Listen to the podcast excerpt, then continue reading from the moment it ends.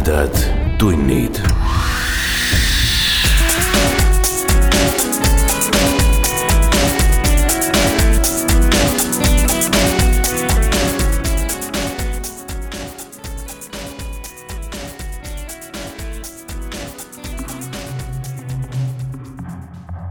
tere, hea ulmesõber, sa kuuled jutuvestmist podcasti Tumedad tunnid kuradi tosinandat osa. mina olen saatejuht Priit Öövel. Enne kui me asume tänase jutu juurde, on mul teile väikene üleskutse.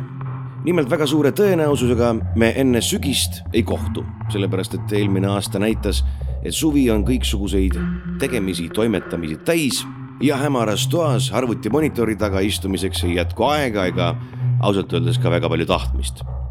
siiski tsiteerides meie tänase loo peategelast, tahan ka mina selle suve jooksul Eesti rahva vaimuvara koguda ja seda tulevaste põlvede jaoks tallele panna. niisiis, kallid autorid, kui teie sahtlis või folderis vedeleb mõni põnev, ulmeline või õudne lugu, mida soovite ka meiega jagada, siis olete teretulnud sellest teada andma. võtke meiega ühendust Facebookis saatke meile oma jutt või link mõnele juba teie poolt avaldatud jutule. Kinnitage meile, et olete selle loo autor ja et olete nõus sellega, et me selle Eesti rahvale ka ette loeme. selle loo vaatab üle väga karm üheliikmeline žürii minu isikus. ja nii võibki juhtuda, et juba sügisel või järgmisel aastal sellest loost ka kuuldemäng saab. eelkõige on oodatud lühijutud pikkusega kuni neli tuhat sõna aga kui lugu on tõesti hea ja seda väärt, siis võib olla see ka pikem loomulikult jätkan ka mina internetiavarustes kaevamist, aga mulle otse saadetud värsketel või vähem kuuldud ja loetud tekstidel on kindlasti kiirem võimalus tumedatesse tundidesse jõuda. niisiis veel kord, kallid autorid, vaadake oma sahtlid ja kaustad üle ja saatke oma ulmelised, põnevad või õudsad jutud meie poole teele ja ärgitage seda tegema ka oma sõpru. aga nüüd meie tänase loo juurde nagu Facebooki lehel lubatud sai, siis pärineb see Indrek Hargla uuest ulmekogumikust Kolme vaimu kivi. Ulmekogumiku Kolme vaimu kivi on välja andnud kirjastus Raudhammas käesoleval aastal ja see on endiselt saadaval kõigis hästi varustatud raamatukauplustes. kogumik sisaldab üksteist pikemat ja lühemat, täiesti erinevat ulmejuttu, mille tegevustik toimub alates Lõuna-Eesti rabadest kuni kosmiliste kaugusteni ja nendest juttudest üle poolte ei ole varem mitte kusagil ilmunud. Autor lubas mul endal teha valiku, millist teksti täna siin teile ette kanda. ja valisingi ühe sellise, mida varem keegi kuulda ega lugeda pole saanud. mina, Aiki Penno ja Maia Öövel loeme teile Indrek Hargla ulmeloo Kolme vaimu kivi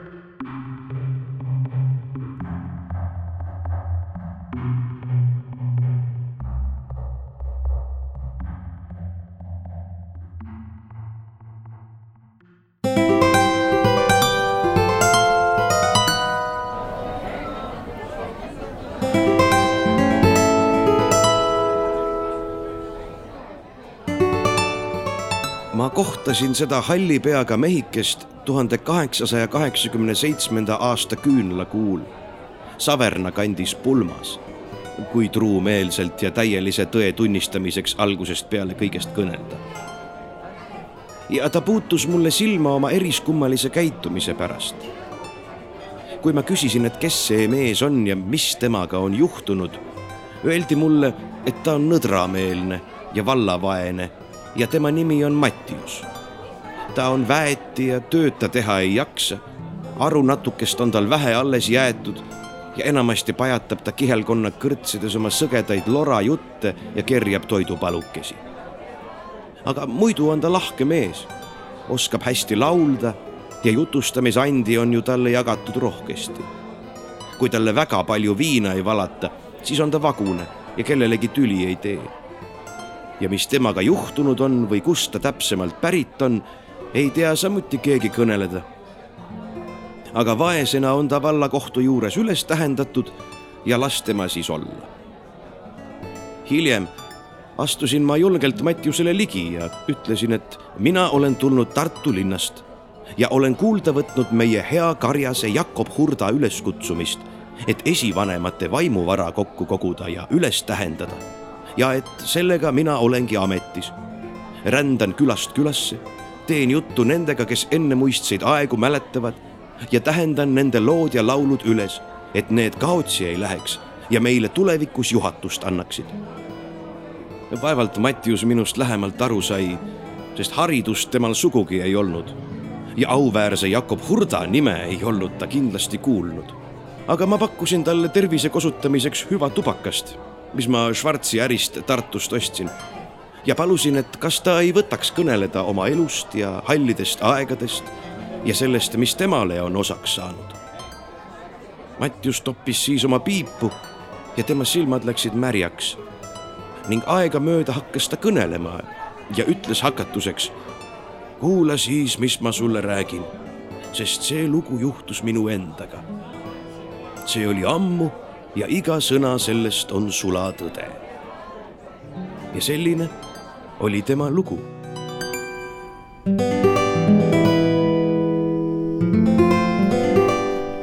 kunagi tulnud Mattius neljapäeva õhtul koju Ihamaru poolt, kus ta mõnda aega oli sulaseks olnud ja seal siis teenistuse üles öelnud ja paremat palka ja paremat peremeest otsima läinud. tema peremees olnud ihne ja julm mees, ei tahtnud oma sulastele maksta ühti ning jagas vahel veel mõne võmmu kuklasse ja tarvitas kurjasid needuse sõnu.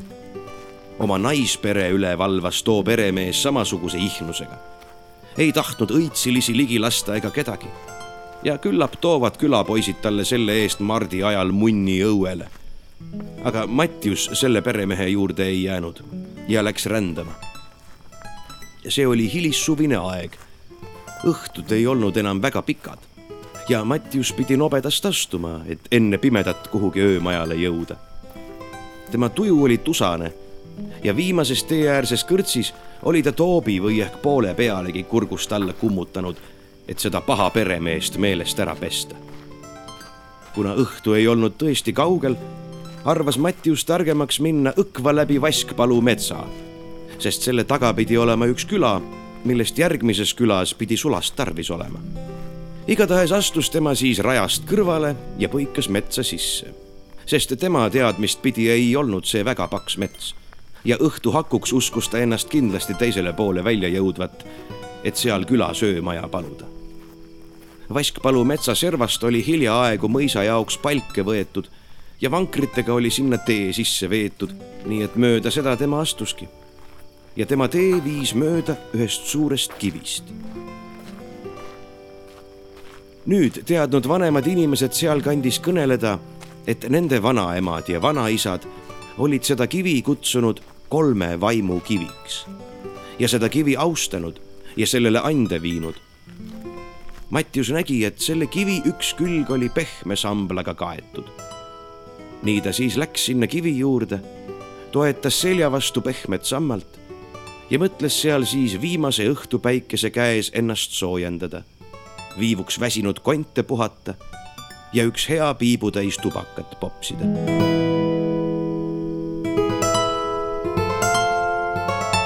kui ta seal nõnda jalga puhkas ja hinge tõmbas, puutus ta käsi vastu kivi.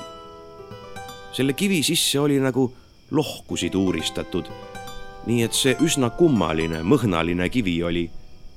ja kui Mattius oli ajaviiteks ühe augu sees natuke surkinud, siis puutus talle kätte mingi kõva ja ümmargune asi, mis käega katsudes väga tuttav tundus. ta uuris seda lähemalt ja leidis, põrgu päralt. see ei ole midagi muud kui üks suurem vanaaegne hõberaha, mille keegi oli ennemuistsel ajal sinna auku pannud. Mattiuse tuju läks sellest kohe paremaks, sest tema teenistus oli ju olnud vilets ja nüüd oli ta terve hõberaha pärast rikkam, sest ega hõbe on ikka hõbe, olgu ajad või kuningad kes tahes. nõnda siis pistis ta hõberaha endale vöö vahele ja hakkas vilet lastes edasi kõndima, sest aeg sõudis juba õhtusse ja läbi metsa oli veel parajasti minna. aga õige pea ühe jändriku männi vilus, kus kaks teerada risti olid, märkas Mattius juba eemalt ühte kühmuskogu seismas. uljalt astus ta edasi ja lähemale jõudes nägi, et puu vilus seisab üks halli habemega vanake. eks Mattius pani seda alguses natuke imeks, et vana mees hilja veel üksipäini metsas on. aga ta arvas, et küllap on too siitsamast lähedalt külast kuiva hagu korjamas ehk marju otsimas. Ja nüüd on seltsis lõbusam küla poole edasi minna. head tervist sulle, vanaisa, sõnas Mattius lahkelt, kui ta halli vanameheni oli jõudnud. ja Mattius nägi, et see mees vaatab teda imeliku pilguga ja tema silmad olid pärani. ja need silmad ei pilkunud mitte sugugi. ja kas see oli sellest, et vanamees ei olnud pööripäevast saati saunas käinud või oli ta tõbine, aga ta lehkas vänge kopitanud haisu järele, nii et Matjusel lausa paha hakkas. kas oled sa lahke mees, võõras? küsis siis hall vanamees. on sinul südant anda vaesele sandile üks raha? ja tema hääl oli sealjuures tige ja igerik ja kriuksus nagu kinni kiilunud veskiratas justkui ei oleks vanamees tükil ajal ühtegi sõna suust saanud. Matjusele tundus selline küsimine imelik, sest kena komme on võõrast inimest enne tervitada ja mõni hea sõna öelda, kui temalt kohe raha hakata nõudma. ja kes on kuulnud, et kerjused õhtu hakul metsas vahivad ja teelistelt raha küsivad. sestap kiskus Matjuse tuju kohe vingu ja ta ütles. vanaisa oma leivapalukest võin ma sinuga jagada. raha ei ole minul sinule anda ühti, sest ma olen ise vaene sulane ja otsin teenistust. aga hall vanamees ei jäänud rahule ja küünitas oma kuivanud käe ette, nõnda et tema kondid oleks lausa kriuksunud sealjuures ja ütles kurjema häälega. ühe raha tahan ma sinu käest ja ei midagi rohkem. anna ja sa saad vaevast lahti. Lähme siit koos metsast välja, ütles siis Mattius. ja minu leivakott on sinu, kui me külasse jõuame. aga raha mul sulle anda ei ole.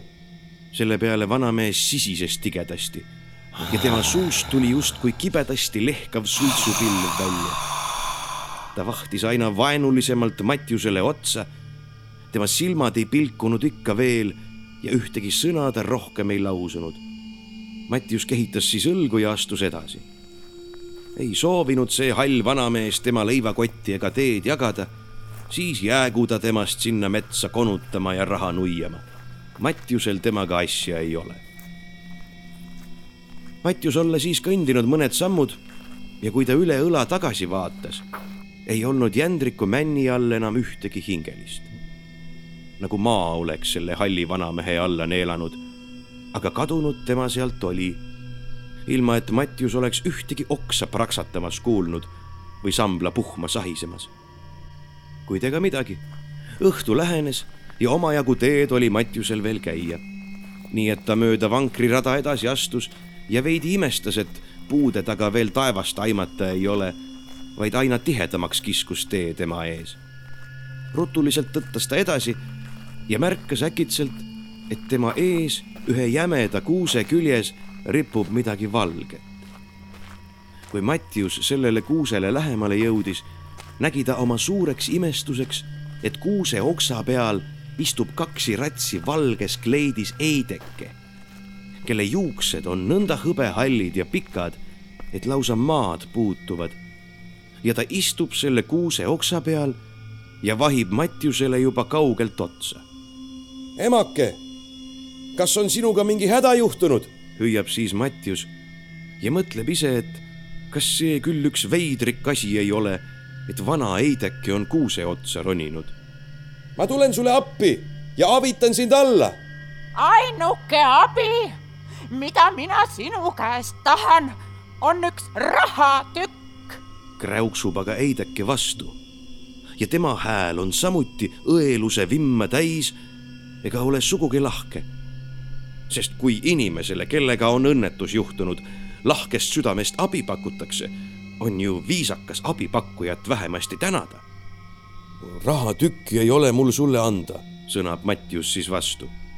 aga kuuse otsast alla tahan ma sind avitada küll ja oma leivakotti jagan ma sinuga kui sind nälg peaks kimbutama. sina anna mulle rahatükk, mis on õigusega minu ja saad ise kurjast vaevast lahti. nähvab aga Heideke. nüüd käib Matjusel selline mõte peast läbi, et kas ei või olla, et see Heideke kuuse otsast ei näinud, kui ta kivi seest ennist selle hõbemündi võttis. ja et sellepärast ta ühte rahatükki nõnda hädaliselt taga nõuabki. aga maa kivi juurde oli pikk ja puud olid vahepeal tihedad. nii et Matjus selle mõtte maha arvab ja ei tihka ta mitte seda hõbetükki ära anda, sest vaene mees oli ta ju küll ja pidas õiglaseks, et pärast sellise ihhinsa peremehega nuhtlemist temale õnn oli naeratanud. ja pealegi, mis kasu on Heidekesel rahatükist, kui ta hädiselt kuuse otsast kinni on ja omal jõul alla ei saa. sestap lausus Mattius. hea emake mina olen vaene sulane, kellel endal enam hinge taga ei ole, et hädapärast körti ja mõdu osta. aga kui sa minu abi sugugi ei taha, siis kõnnin mina edasi. aga selle peale tegi Heideke suu lahti ja sellest lehkas hirmust mädanud haisu, justkui metsloom oleks ära kõdunemas ja lausa roheline sooauru pilv õhkas Mattiuse poole. ja veel see Heideke kahises kurgust koledat häält, nagu vihane kass teeb. Mattius ei jäänud selle sõgeda heidekesega pikemalt rääkima, sest tema oli ristiinimese kombel oma abi lahkesti pakkunud ja see oli ära tõugatud. ja jällegi, kui Mattius on veidi edasi kõndinud, pöörab ta ümber ja kaeb kuuse poole tagasi. aga heidekesest ei ole enam ühtegi märki see jäme oks seisab kuuse küljes endist viisi edasi. aga pikkade hallide juustega Heideke on sõnul seletamatul viisil kadunud, ilma et oleks ainus praksatus kostnud. kuusk oleks Heidekese justkui enda sisse neelanud. ja eks tuleb nüüd veidi kõhe tunne Matjusele sellest külge, et kaks väga kummalist ja pahasti lehkavat olevust on tema rahatükki endale nõudnud kuid arg mees ei olnud Mattius ühti ja oma raha, mis ta nii õnnelisel kombel leidnud oli, tahtis ta kindlasti enesele pidada. ja nõnda astus ta aina edasi. piipu ta enam toppima ei hakanud ja vaatas, et siit metsast enne loojakut välja saab. kas saab kaks ilma kolmandata jääda?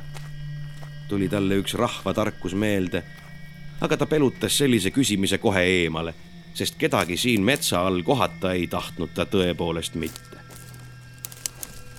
astus siis Mattius aina edasi ja leiab ühtäkki, et vankrirada on tema jalgade eest kadunud. ennist oli nõnda selgest näha olnud, kustkaudu palke oli metsast välja veetud.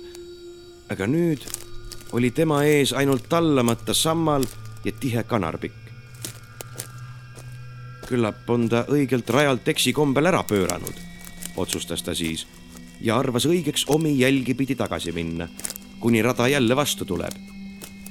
nõnda kõnnib ta tagasi, kuid oh häda. tume pilv sõuab taevas viimase õhtupäikese ette ja laane all läheb aina hämaramaks.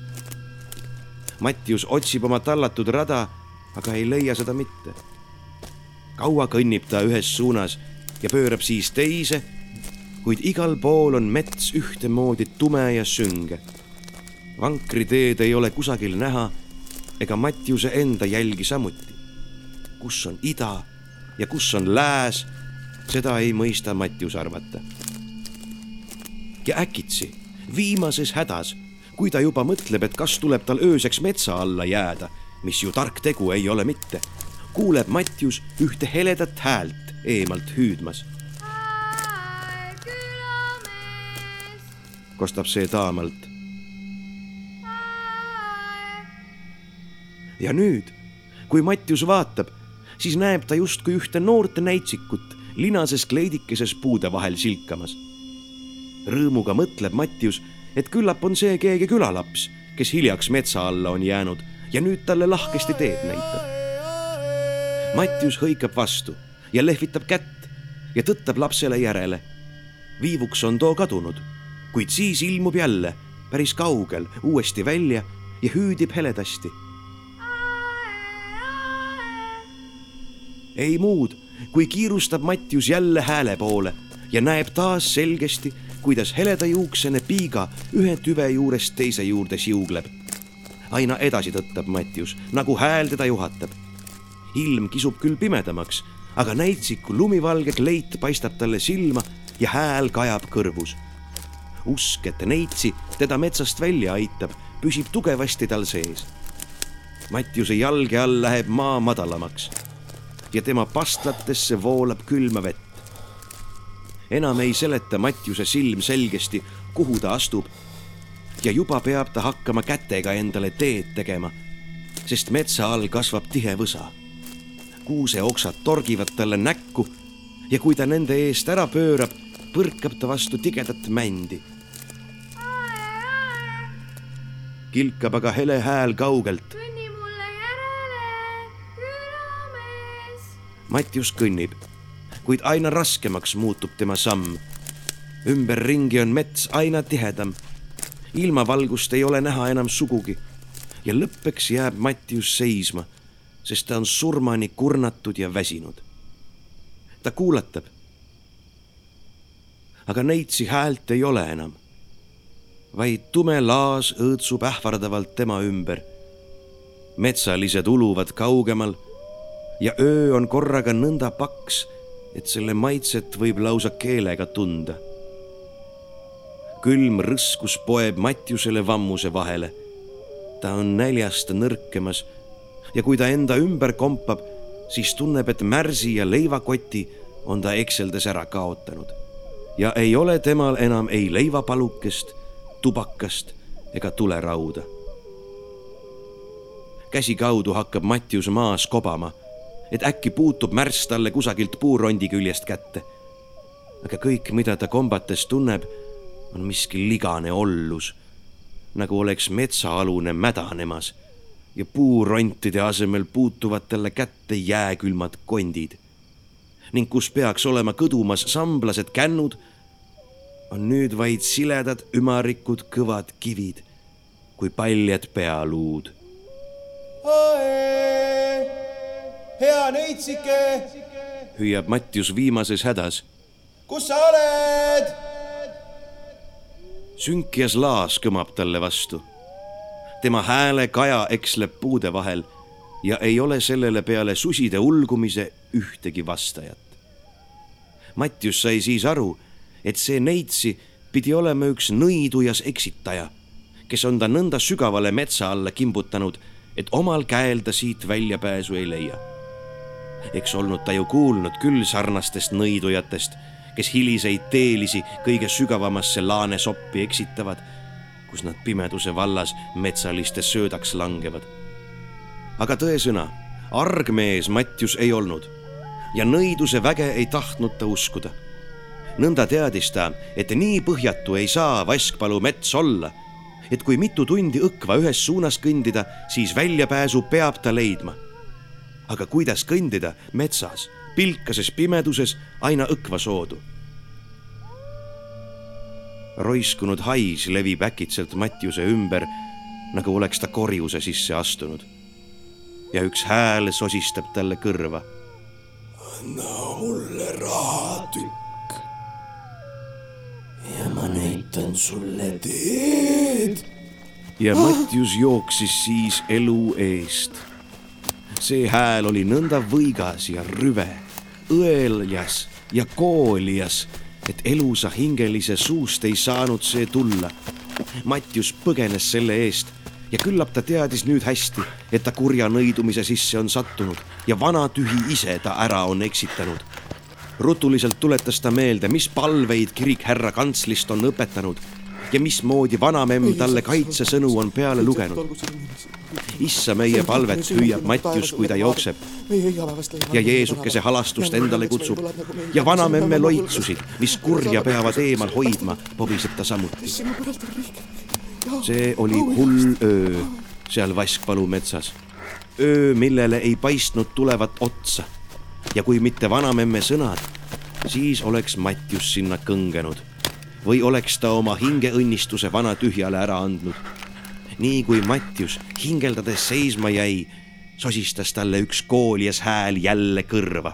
anna mulle rahatükk ja ma näitan sulle teed. kuid seda ei tahtnud Mattius teha mitte, sest ta ei usaldanud seda häält ja ihkas selle eest põgeneda. Ta jooksis, kukkus, tõusis, sai valusasti haiget, jooksis uuesti, lõi endale risti ette, kordas issa meie palvet ja vanamemme kaitsesõnu. ja kui ta ei oleks seda teinud, oleks vana tühi ta kätte saanud. ja ainult issa meie palve ja vanamemme sõnad hoidsid kurja temast eemal. aga lõpuks varises ta viimast korda ja tundis, et enam ta tõusta ei jaksa.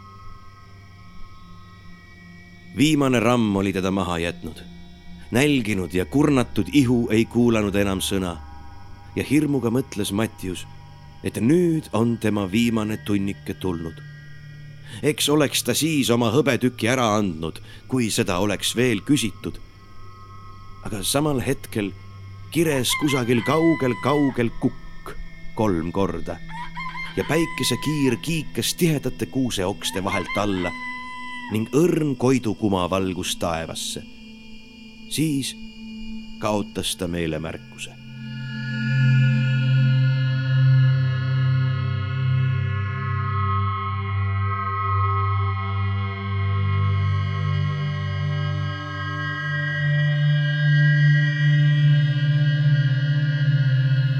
suur valge oli juba väljas, kui Mattius silmad avas. ta oli väga sügavas metsas ja selle otsa ei paistnud kusagilt. ei olnud siit inimene palke teinud ega hagu korjanud ning ühtegi teerada siin ei olnud.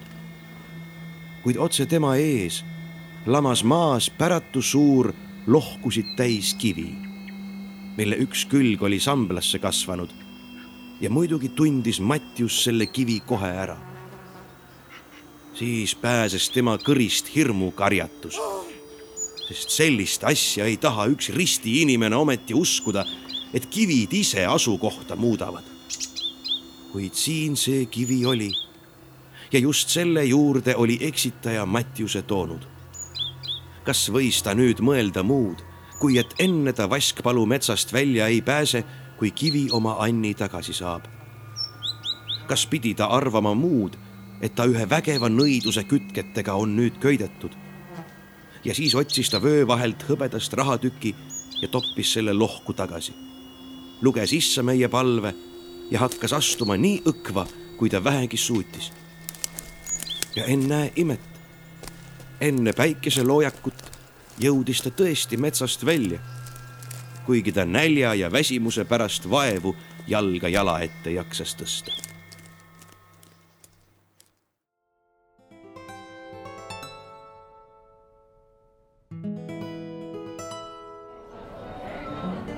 siinkohal lõpetas Mattius oma pajatuse.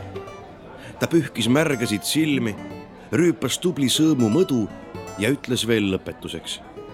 oma ahnuse eest, et ma kolme vaimu kivilt hõberaha ära varastasin, sain ma veel koledasti karistada.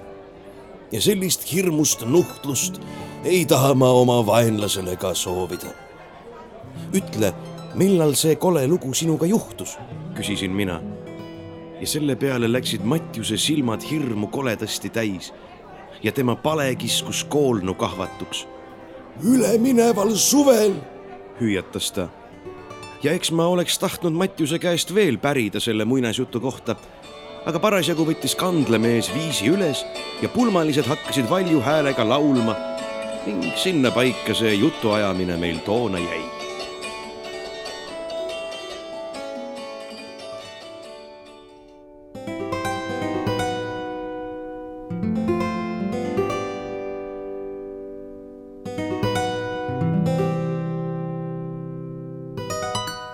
ma oma talvised rahvaluulesalved toimetatud sain ja Jakob Hurdale edasi läkitasin, kui lehekuu oli läbi, puud rohelusest pakatasid ja ilmad suviseks kiskusid, jätsin ma hüvasti oma armsa abikaasa proua Minnaga ning võtsin taas ette rännutee, et esivanemate vaimuvara tallele panna. küllap ei ole seal midagi imeks panna, et ma just Saverna kanti tagasi tulin. rahvaluule koguja peab olema visa ja järjekindel ja nõnda tahtsin ma veel leida pajatusi selle Vaskpalu metsa ja kolme vaimu kivi kohta, sest oli ju Matjus kõnelenud, et vanemad inimesed sealkandis seda kivi hästi mäletasid ja teadsid lugusid aegadest, kui sellele ande oli viidud. mis Matjuse üleelamistesse puutus, siis eks ma olin päris kindel selles, et ta toona kõrtsis ehk ühe toobi viinuskit ülearu võttis ja metsa alla ära eksis ja magama jäi küllap talle siis purjutanud peast need puugid ja viirastused ilmusid. või oli ta sarnast lugu kellegi käest kuulnud ja hakkas seda tõeks arvama, kui öösel metsast koduteed ei leidnud. ühest postitee äärsest kõrtsist kuulsin ma juhatust, kuidas Vaskpalu metsa üles leida ja et selle ümber on kaks küla ja et ennemalt kuulunud see mets tervenisti mõisale. aga palke ei ole sealt juba ammu tehtud. seda kõneldi mulle ka ei vana mõisa tarbeks ega uuema karjamõisa jaoks. ma kõndisin edasi ja leidsingi ennast peagi külast, kus noorem rahvas oli põldudel tööd tegemas ja ainult vanad ja väetid olid koju jäänud. mitmest talust ja tarest pidin ma küsima ja kui Vaskpalu metsa mõni taat veel teadis, siis kolme vaimu kivist ei olnud minu imestuseks keegi kuulnud kui Matjus toda kivi nõnda hästi teadis, siis miks selles külas ei mõistnud keegi mind aidata? lõpuks juhatati mind ühe muldvana memme juurde, kes kõiki ennemuistseid jutte pidavat teadma ja kes talviti neid ikka reheahjumann jutustab. päris pime oli juba see memmeke ja sada aastat võis tal vanust olla või ehk rohkemgi. ta küsis minu käest, mis uudiseid Tartu linnas kuulub kompas mind oma soojade peopesadega ja ütles, et kui tal jaksu rohkem oleks, siis kostaks ta mulle aoni ennemuistseid jutte, sest neid pidi ta mäletama hulganisti. memmeke, kõnele mulle, kas sa kolme vaimukivi kohta ka pajatusi tead? pärisin siis mina. sest eks see ole ju üks mürakas kivi Vaskpalu metsas, mille kohta palju jutte rahvasuus liigub. minu küsimuse peale aga kohkus memmeke kangesti ära ja ei tahtnud enam sugugi ühtegi sõna suust saada. pärast pikka palumist haaras ta mul käest kinni ja hüüatas nõnda kurjalt, et ma lausa ära kohkusin. too on üks ütlemata paha ja nõiutud kivi ja mina ei taha sellest üldse kõneleda. aga mina meelitasin teda lahkesti ja tegin seda nõnda kaua, kuni ta lõpuks ütles vanarahvas rääkis, et kolme vaimu kivile tuli ande viia, et seal kurjad vaimud valla ei pääseks ja et kõige kindlamini pidi hõbe aitama ja vaimusid kivi all kinni hoidma. siis vähemasti teadsin nüüd, et osa Matjuse loost oli tõsi, mis veel enam minu uudishimu sütteid Leekvele õhutas. ja ma teda üldse rahule ei tahtnud jätta, vaid aina edasi küsisin. kus see kivi on ja kuidas ma selle juurde teed mõistan leida? pärisin mina. seda ei ole vaja sul teada, sest muidu tuleb hirmus häda sinu peale, ütles memmeke. mina aga lubasin talle, et ma olen literatuurne ja haritud inimene, kes meie hea karjase Jakob Hurda õhutusel vaid ainult ennemuistset vaimuvakka tulevaste põlvede tarbeks kokku kogub. ja ainult sellepärast tahan ma seda kivi eemalt näha ja joonistuses üles tähendada pika meelitamise peale ütles mulle siis memmeke umbkaudu, kus see kivi metsa sees on. aga et ma sealkandis võõras olin, küsisin ma üleaedsetelt ühe karjapoisi teejuhiks ühes. kolme vaimu kivist ei teadnud see poisike midagi. aga seda kohta, kust Saverna tee metsaveerd puudutab ja kus Kasesalu all vana kaevukoht on, mida memmeke mulle tee tähiseks seletas, seda lubas ta näidata ma uskusin, et eks Matjuse jutu järgi peaksin ma seal juba lähemalt nägema, kust on hiljaaegu palke tehtud ja küllap leian ma selle tee ise üles. nõndaviisi kõndisime me siis karjapoisiga läbi küla, karjamaadest ja heinamaadest läbi. mahe suveilm oli meile seltsiks ja lõokesed siristasid taevakaarel. kui me lõpuks metsaserva jõudsime, ei hakanud mulle ikka veel silma, et seal üleminevast suvest raielank lähedal oleks. Kasesalu nägin ma aga küll. poisike näitas mulle käega, et sealsamas on ka kaevukoht ja ütles, et päris metsa sisse ei ole temal lubatud minna. ma ütlesin talle mõned õpetussõnad, kiitsin teda ja siis me jätsime hüvasti ning mina astusin üksinda edasi. ja rändrahnu, mis kõigi tunnusmärkide järele kolme vaimukivi nime pidi kandma, leidsin ma kerge vaevaga üles, sest see hakkas juba eemalt silma. puid selle ümbruses ei kasvanud ja ei olnud ka näha, et neid oleks maha raiutud. kivi oli liivasema maatüki peal, kanarpikud õitsesid seal ümberringi ja selle põhjakülg oli kaetud rohelise samblaga see kivi oli pikerguse kujuga ja pealt lamejas, nagu oleks keegi selle oma raskusega kokku vajutanud. Kaugelt oli see silmale ilus vaadata ja kui ma lähemale läksin, siis olid näha ka need lohud ja mõhnad, millest Matjus oli pajatanud. ja seda kivi imetelles mõtlesin ma, et kui määratult rikkaline on meie esivanemate vaimuvara ja luulekeel, et nad ühest elutust looduse asjast seesuguseid saagasid mõistavad mõtelda. Mäherdune on olnud minevikupõlvede ettekujutlusvõime ja ihalus iseäraliste lugude järele. ja millist innustust oma tööpõlvele leiab sellest üks rahvaluule koguja. nõnda siis, nagu on olnud Jakob Hurda õpetamissõna, võtsin ma välja oma paberimapi ja pliiatsid ja sehkendasin selle kivi üles, nagu mulle kunstiannet antud on ja jäin selle teoga pärinisти rahule.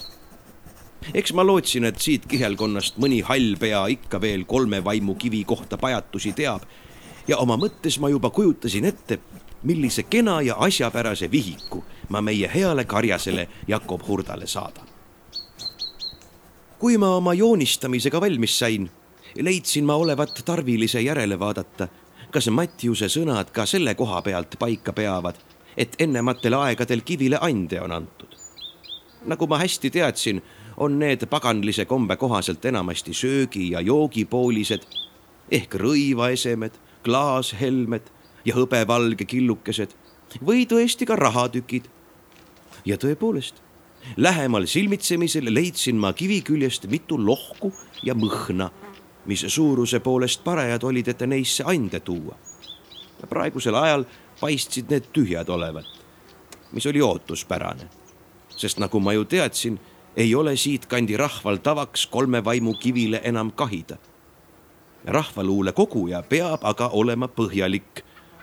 ja nõnda kompasin ma lohud ükshaaval läbi. nüüd oli aga minu imestus suur, kui mulle ühest lohust üks kõva asi näppu puutus. ja kui ma seda lähemalt vaatasin siis üks hõbedast raha oli see tõesti. ning mitte vähem kopik, vaid päris kena kaaluga rublatükk. Kas pidi see tähendama, et Matjus selle siia on pannud, kui ta selle esiti leidis, siis purjutamisest viirastusi nägi ja hiljemini tagasi tõi? kuni selle ajani olin ma tema jutustuse tõesti ainult viinasõgeduseks arvanud. aga nüüd olid mu mõtted segaduses ma uurisin rahatükki lähemalt ja minu imestus kasvas aina suuremaks, sest sellist raha ei olnud mina kunagi varem näinud. Kõige armulisema keisri kahe peaga kotkas oli hästi tuhmilt rahatüki taga näha küll. aga kes oli see isevalitseja mündi esimesel küljel? oli see Peeter Suur või kogunisti Katariina Teine? seda minu silmad ei seletanud. igatahes pidi see rublatükk olema väga vanast ajast. ja see lugu oli nüüd veel kummalisem. sest enamasti liiguvad talurahva käes ju vähemad kopikud. Keegi oli sellelt kivilt aga nõnda palju heasoovlikkust nõutanud, et lausa väärtuslise rublatüki sellele kahis. aegapidi küpses minus otsus, et ma võtan rahatüki endaga linna kaasa ja lasen ülikooli juures mõnel professori härral ehk Rüütli tänava juudil selgust leida, mis ajast see pärit on ja kui suur on selle väärtus. sest eks see annab ennemuistsete aegade kohta rohkemini teadmist, kui me lisaks luulevarale selle paikapidamist ka aineliselt saame tõendada. nõnda siis mässisin ma rublatüki rätikusse ja panin selle oma põue ning asutasin end tagasi teele selle külakese juurde. ja minu hing oli tublisti tehtud tööst parajasti rahul. ma olin astunud juba jupimaad ja arvasin end kohe metsatukka tagant tuttavaid karjamaasid nägevat, kuid puudele ei paistnud sugugi lõppu tulevat. Ma vaatasin lähemalt oma ümbrust ja kuigi ma olin kindel, et kivi juurest olin ma sammunud sama teed tagasi, kust ma olin tulnud, avastasin ma nüüd, et ümbruskond mulle sootuks võõras on ja et varemat ei ole ma siin olnud. seda teed, mida me karjapoisiga koos kõndisime, mäletasin ma ju hästi. aga praegu olin ma korraga sattunud keset kaharaid kuuski ja isegi jalgrada oli minu silmist kadunud küllap nõnda võib juhtuda inimesega, kes oma leidusest liiga õhinas on ja täpsemini ringi ei märka vaadata. seepärast pöördusin ma tagasi, et kivi juurest uuesti alustada ja sedapuhku õiges suunas minna. kivi leidsin ma kerge vaevaga ja siunasin samas ennast tähelepanematuse ja kaotatud aja pärast ning asusin uuesti teele. sedapuhku täpselt selles suunas, kust ma ennist olin tulnud lõbusasti vilet lastes kõndisin ma jälle jupimaad. kuid oma suureks hämmastuseks avastasin ennast taas keset tihedat metsa ega hoopiski mitte tuttava Kasesalu juurest. liigne enesekindlus oli mind jälle pettunud. nüüd tegin ma järelduse, et ma kivi juurest kogemata lõuna poole olin läinud, sestap pöörasin ma nüüd kura kätt, et läände tagasi minna ja jõuda otse teed raja peale, mis külasse viib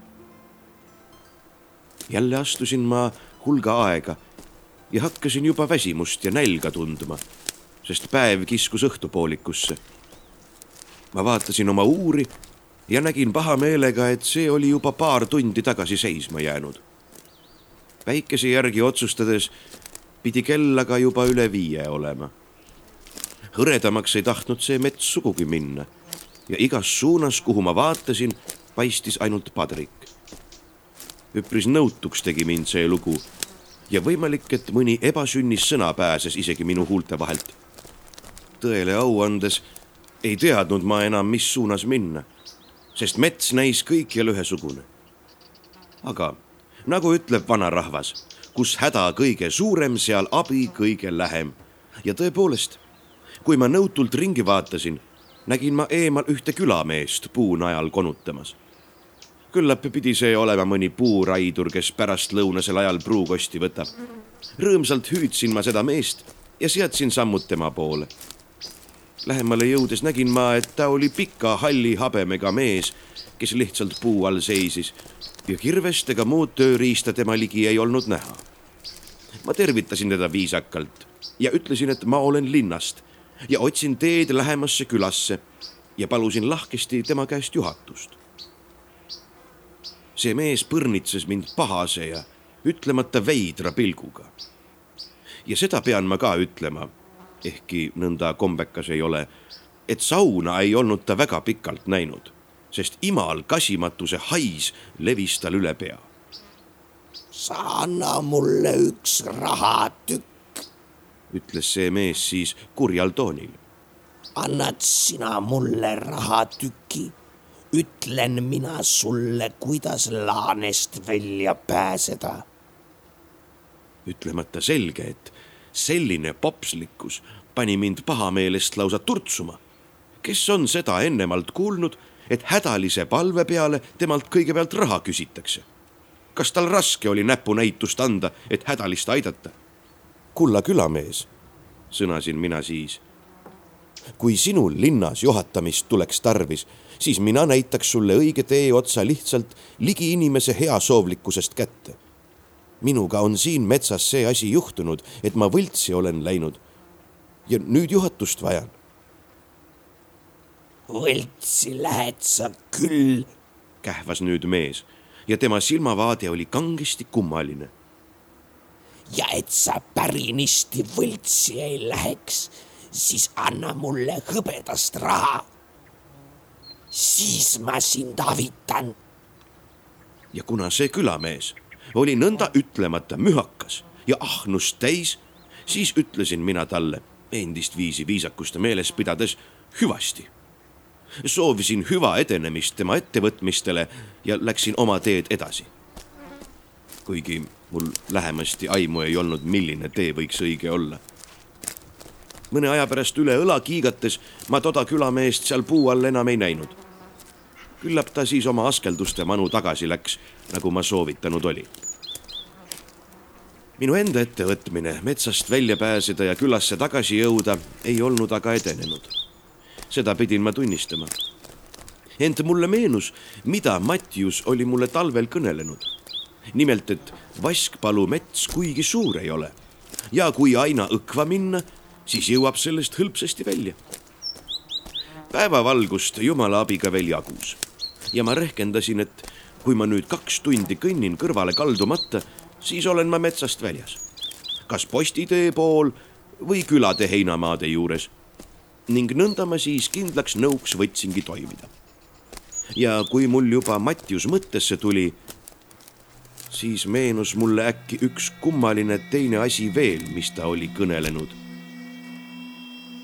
Jala pealt jäin ma seisma, sest päris ehmatav oli see asi olnud. nimelt oli Mattius ju rääkinud et see hall vanamees, kes tema käest samuti metsas oli hõbedast raha küsinud, oli teda põrnitsenud hästi veidra pilguga, sest tema silmad sugugi ei pilkunud.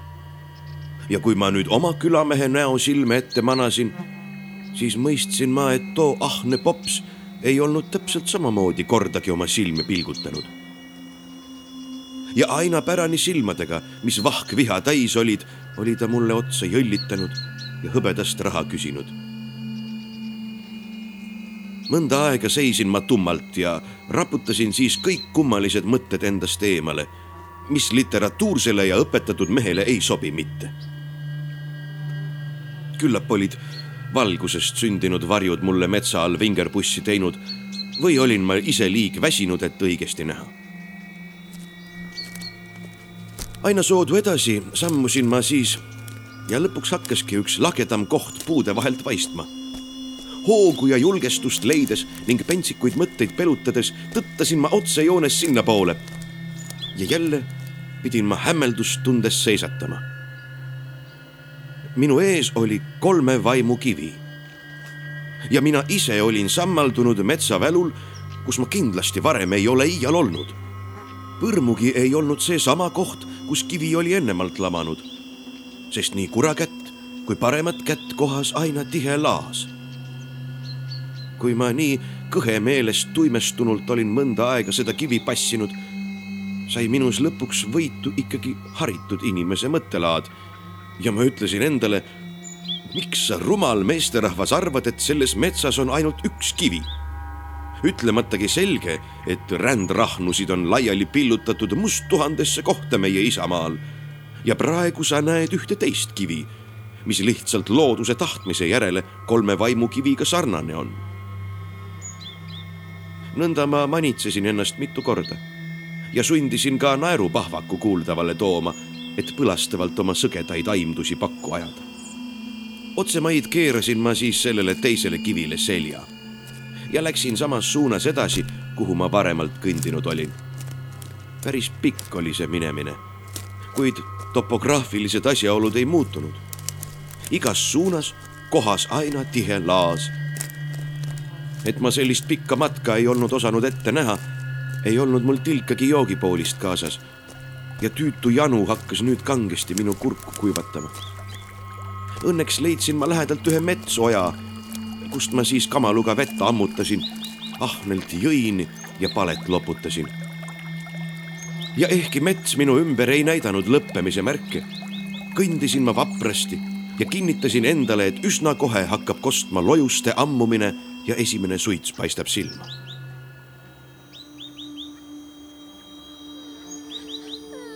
ühte häält kuulsin ma siis korraga küll, aga mitte lojuste oma, vaid hoopis helehäälset lapse nuttu.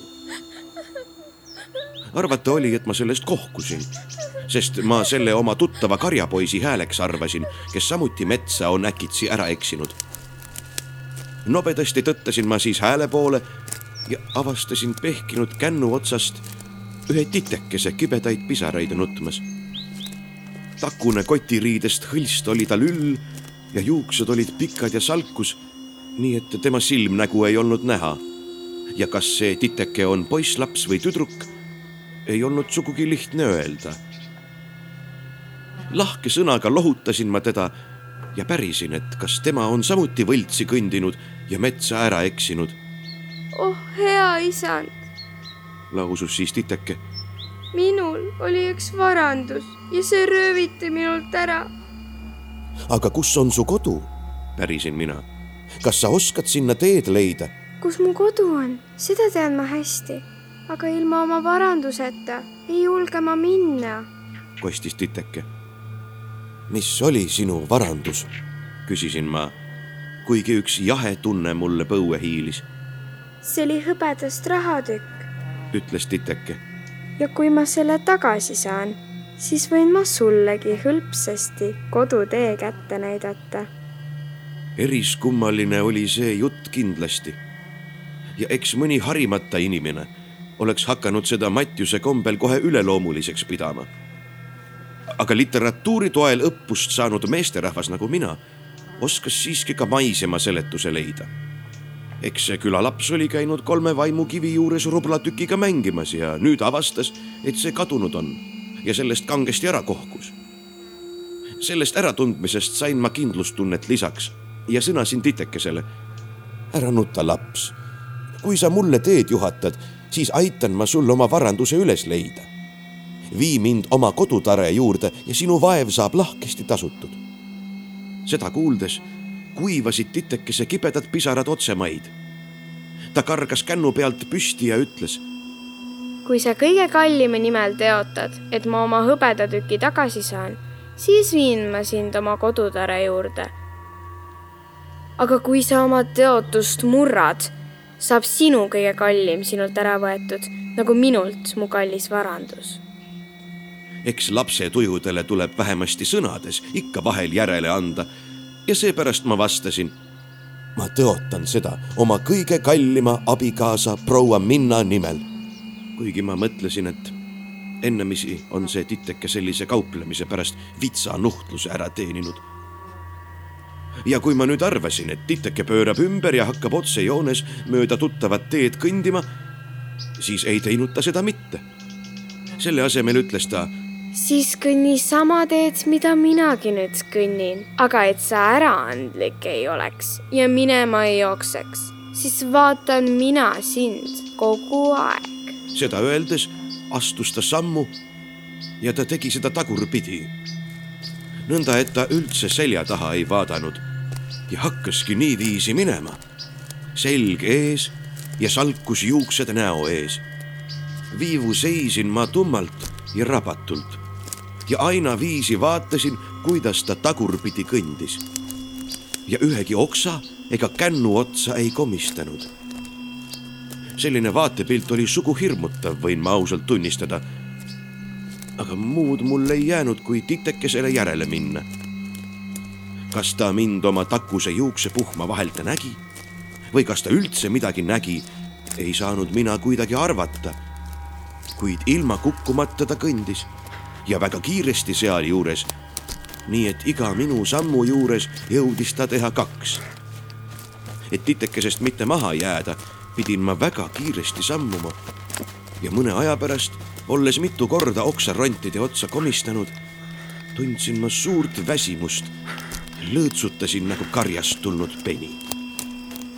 titeke aga astus tagurpidi ja kordagi enda ette vaatamata ning ma rohkem aimasin ja tundsin tema õelate silmade pilku enda peal, kui ma seda nägin.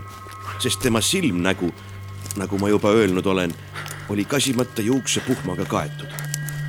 Kui pöörane vurrkann kihutas ta tagurpidi ja hüppas üle varisenud puutüvede, justkui oleks neid ette haistunud.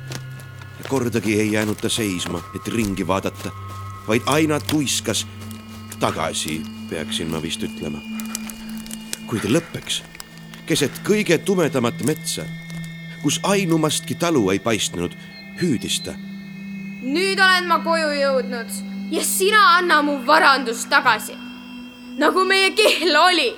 ja oma suureks kohkumuseks nägin ma jälle enda ees kolme vaimukivi, mis mõistatuslisel kombel oli uue asupaiga leidnud. ja et see, seesama kivi oli, selles pidin ma nüüd kindel olema.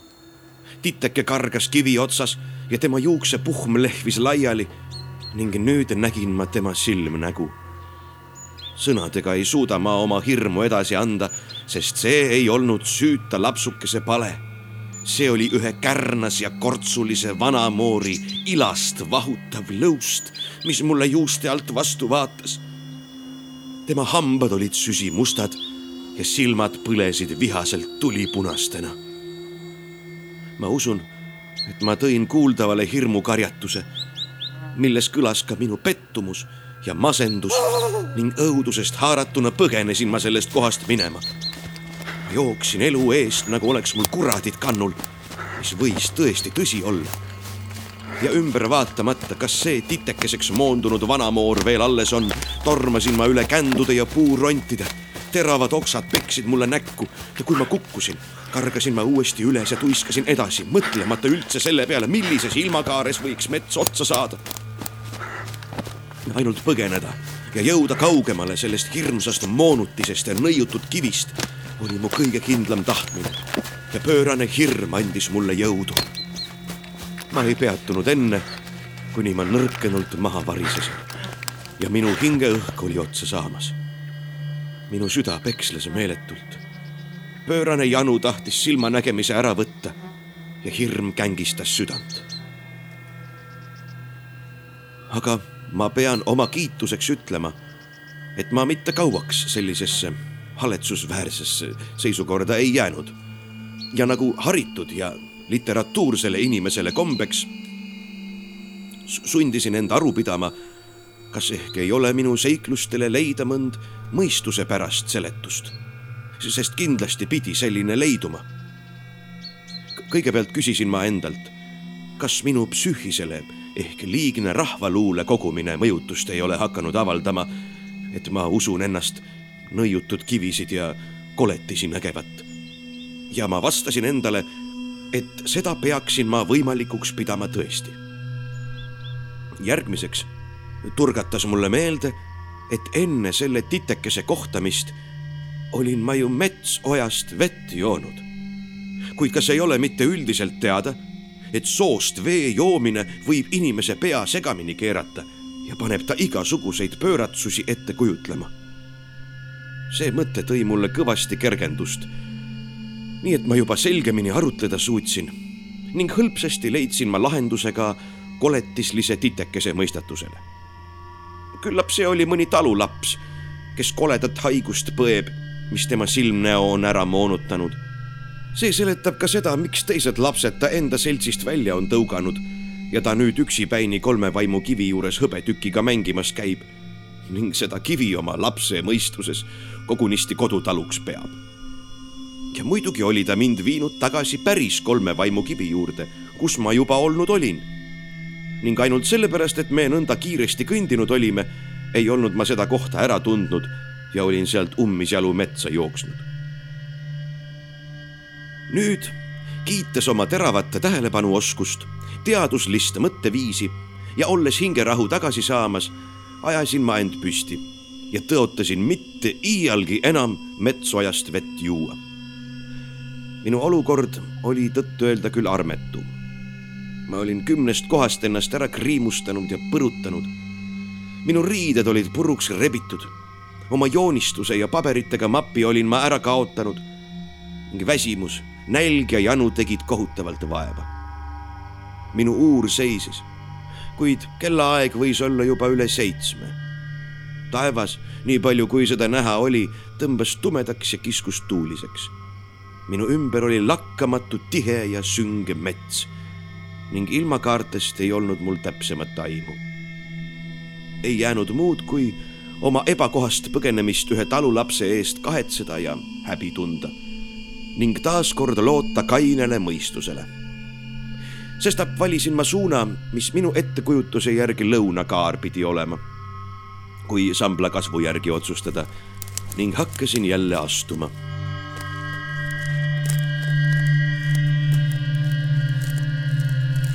Möödus ehk tund.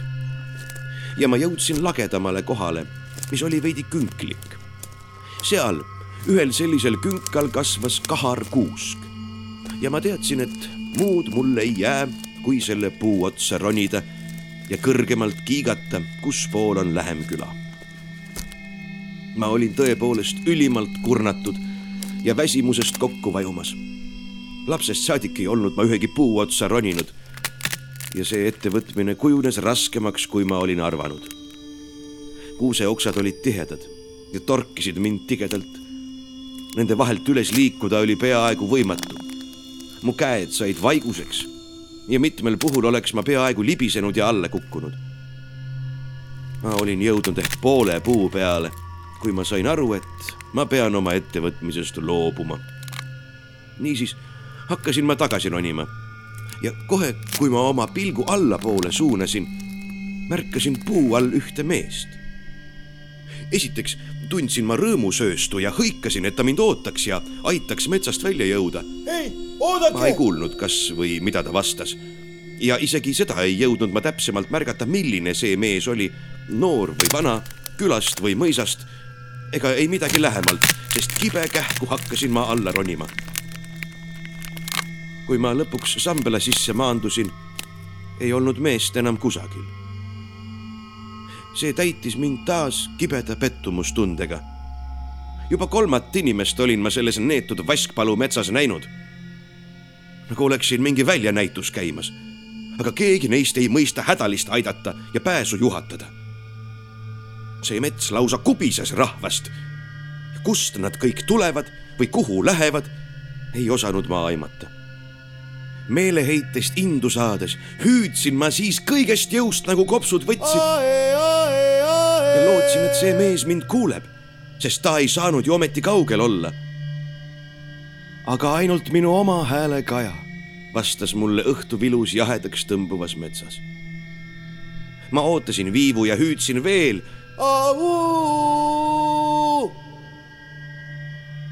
kuid mulle ei vastanud keegi. Ja ma läksin edasi, ehkki ma ei teadnud, kas see on edasi või tagasi. ükskord ja kusagil pidi see neetud mets ju ometi otsa saama. sest ei olnud võimalik, et ma kogu aeg ainult ringe teen ja sellest kunagi välja ei jõua. mis edasi juhtus, on võimatu mõistuse järgi seletada varjud olid maas ja hämardus. eha võttis võimust. Õhk oli jahe ja tuuleõhk vaibus. seletamatu ähvardus lehvis minu ümber. ja kui ma veel kord valjusti hüüdsin ning viimases valgusvihus ümbrust uurisin, nägin ma taamal midagi liikumas. ainult korraks oleks puude vahel midagi värelenud ja samas see kadus ma vaatasin terasemalt ja ainult udu oli seal. Ja siis see udu liikus, pöörles justkui ja udu seest astus välja.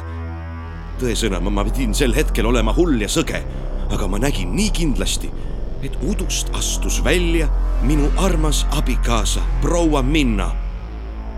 sirutas minu poole oma käe ja ütles häälega mis ei olnud tema oma, vaid vanadusest vaevatud, ägisev, kole ja rögisev. sa oled kihla murdnud ja sinu kõige kallim varandus saab sinult ära võetud. hirmust kange ja rammetu seisin ma tummalt ja vaatasin seda olevust, suutmata temast silmi lahti saada kas ma olin tõesti vaimust nõdraks jäänud või olin ma õelanõidujase kütki langenud, mõistuse abil ei olnud võimalik seda enam seletada. ma taganesin tema ees, kukkusin, tõusin, karjusin ja põgenesin, sest selline on inimesele loomuomane vaist, et tundmatuse eest ta põgeneb. kui ma lõpuks üle õla söandasin vaadata nägin ma udujat veiklevat kogu, mis mulle justkui lähemale ujus. ja siis peatus, väändus ja jälle minu armsaks abikaasaks proua Minnaks muutus. ma tormasin süngesse metsa ja pimedus hakkas maa peale vajuma. ma ei näinud hästi, kuhu ma jooksen. kõige peamisem oli eemale saada sellest nõidujasest, kes minu armsa abikaasa proua Minna kuju oskas võtta ning muul kombel ei ole minu õudust, kannatust, hirmu ja vaevatust võimalik kirjeldada. Mattiuse kombel sosistasin ma issa meie palvet ja üritasin nagu palavikus meelde tuletada muid hea väe lausumissõnu, mis ma rahva luule talletamiseks kogunud olen. ma ei tea, kas need vältisid. ainumas, mida ma veel mäletan, on valu, kui ma vastu külma ja kõva asja jooksin. kas ma pean veel lisama? Et see oli kolme vaimu kivi. ja viimases ähmases valguse vihus toppisin ma värisevate kätega hõbedase rublatüki ühte lohku tagasi. ja siis mähkisid pimeduse köidikud mind endasse.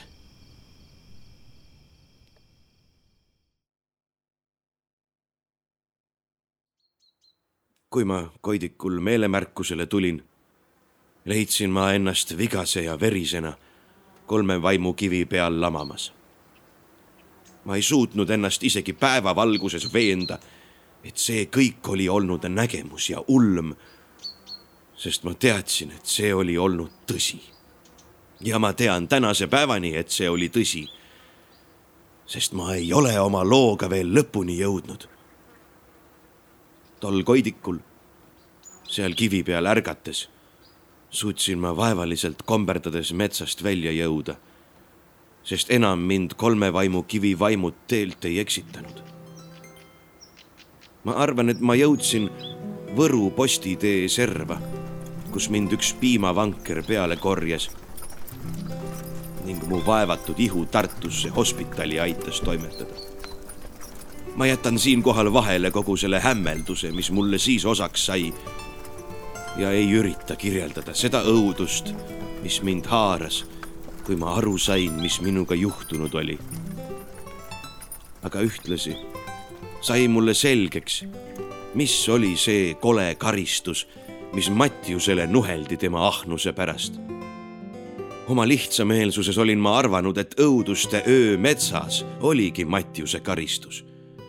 aga ma eksisin püha Jumala nimel, kuidas ma eksisin. sellist karistust, mis meile mõlemale mõisteti, ei taha ka mina oma vaenlasele soovida. miks ma ei näinud kolme vaimu kivi lähedal raielanki, mida Mattius oli maininud? sellepärast, et seda ei olnud enam ammu kolmekümne kolme aastaga kasvab uus mets üles kui ma Tartu hospitalis meelemärkusele tulin, sai mulle aegapidi ja suure vapustusega selgeks, et aastanumber oli juba tuhat üheksasada kakskümmend. ma olin Vaskpalu metsas olnud kolmkümmend kolm aastat. täpselt nõnda nagu Mattius. meie kõige armulisem isevalitseja Nikolai oli vahepeal maha lastud meie hea karjane Jakob Hurt oli ära surnud. ja minu armas abikaasa, proua Minna, oli jõudnud uuesti mehele minna. minu kõige kallim varandus oli minult ära võetud, nagu kolme vaimukivi nõidujast tõotas.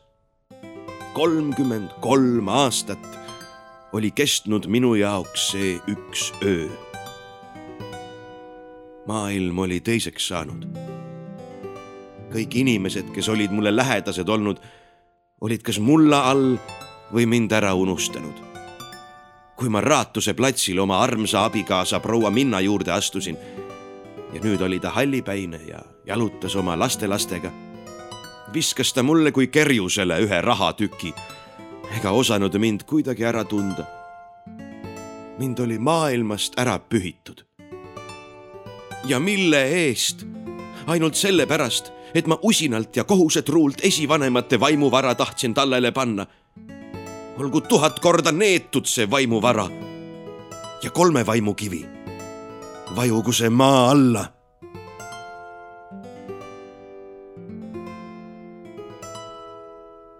hea politseihärra, ma ju näen, et teie minu juttu ei taha uskuda ja minul ei ole oma sõnade kinnitamiseks ainumastki dokumenti sest need kõik jäid Vaskpalu metsa ülemineval suvel, mis teie jaoks on kolmkümmend kolm aastat tagasi. eks teie arvate, et mina olen nõdrameelne ja seda ei saa ma teile kuidagist pahaks panna, sest Tartu linna peal arvavad paljud nõnda. aga truumeelselt ja täielise tõe tunnistamiseks võtsin ma teile kõik selle loo algusest peale ära jutustada, et teile kõik asjaolud selguspärased oleksid. Esivanemate vaimuvara jutustamine ongi nüüd minu ainus amet. kui ma oma viletsates nartsudes ja puha sandina mööda Tartu linna kõrtsisid konutan. sest kas te kujutate ette, kui raske on vana aja inimesel uute oludega harjuda ja endale viisakas töökoht leida? iseäranis siis, kui tal ainumastki penni hinge taga ei ole. diplomist, korterist ja soovituskirjadest ja sõpradest rääkimata. ma elan vaeste varjupaigas, kui seda elamiseks saab üldse nimetada sest minu ostetud ja möbleeritud korteris Kastani uulitsas pesitseb nüüd keegi vuntsidega kindlustuse seltsingu härra ja elab kokku minu seaduslise abikaasaga, kellega ta mitu last on sigitanud. mis mul siis üle jääb, kui oma leivapalukese, silgupüti ja vahel mõne viinalonksu teenimiseks huvilistele esivanemate rahvaluulest pajatada. Ja jumalale tänu, et vahel võtab mõni kuulata.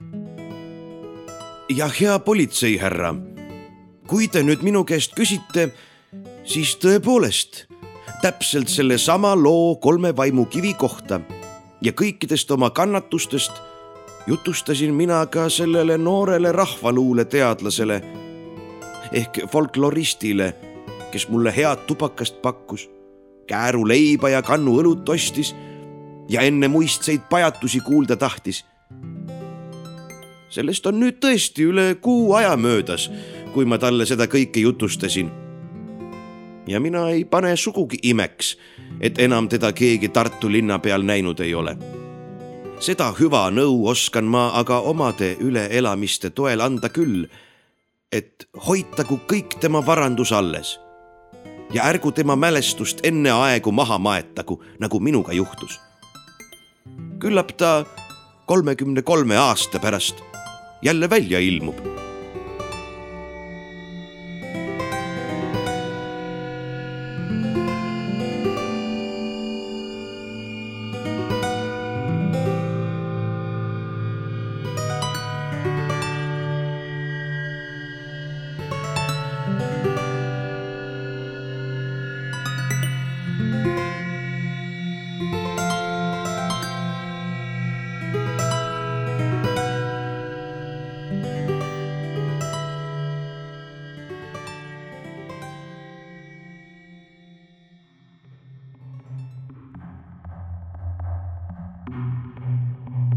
ja ongi selleks korraks kõik. loodame, et teile meeldis. kui ei juhtu mõnda suuremat sorti üllatust, siis kohtume teiega juba sügisel. seniks aga kirjutage ja saatke meile oma ulmejutte, nautige suve, kritiseerige ja kommenteerige meid Facebookis, jagage meid oma sõpradega ja kui raatsite, siis ka toetage meid, sellekohast infot leiate juba meie kodulehelt. kohtumiseni sügisel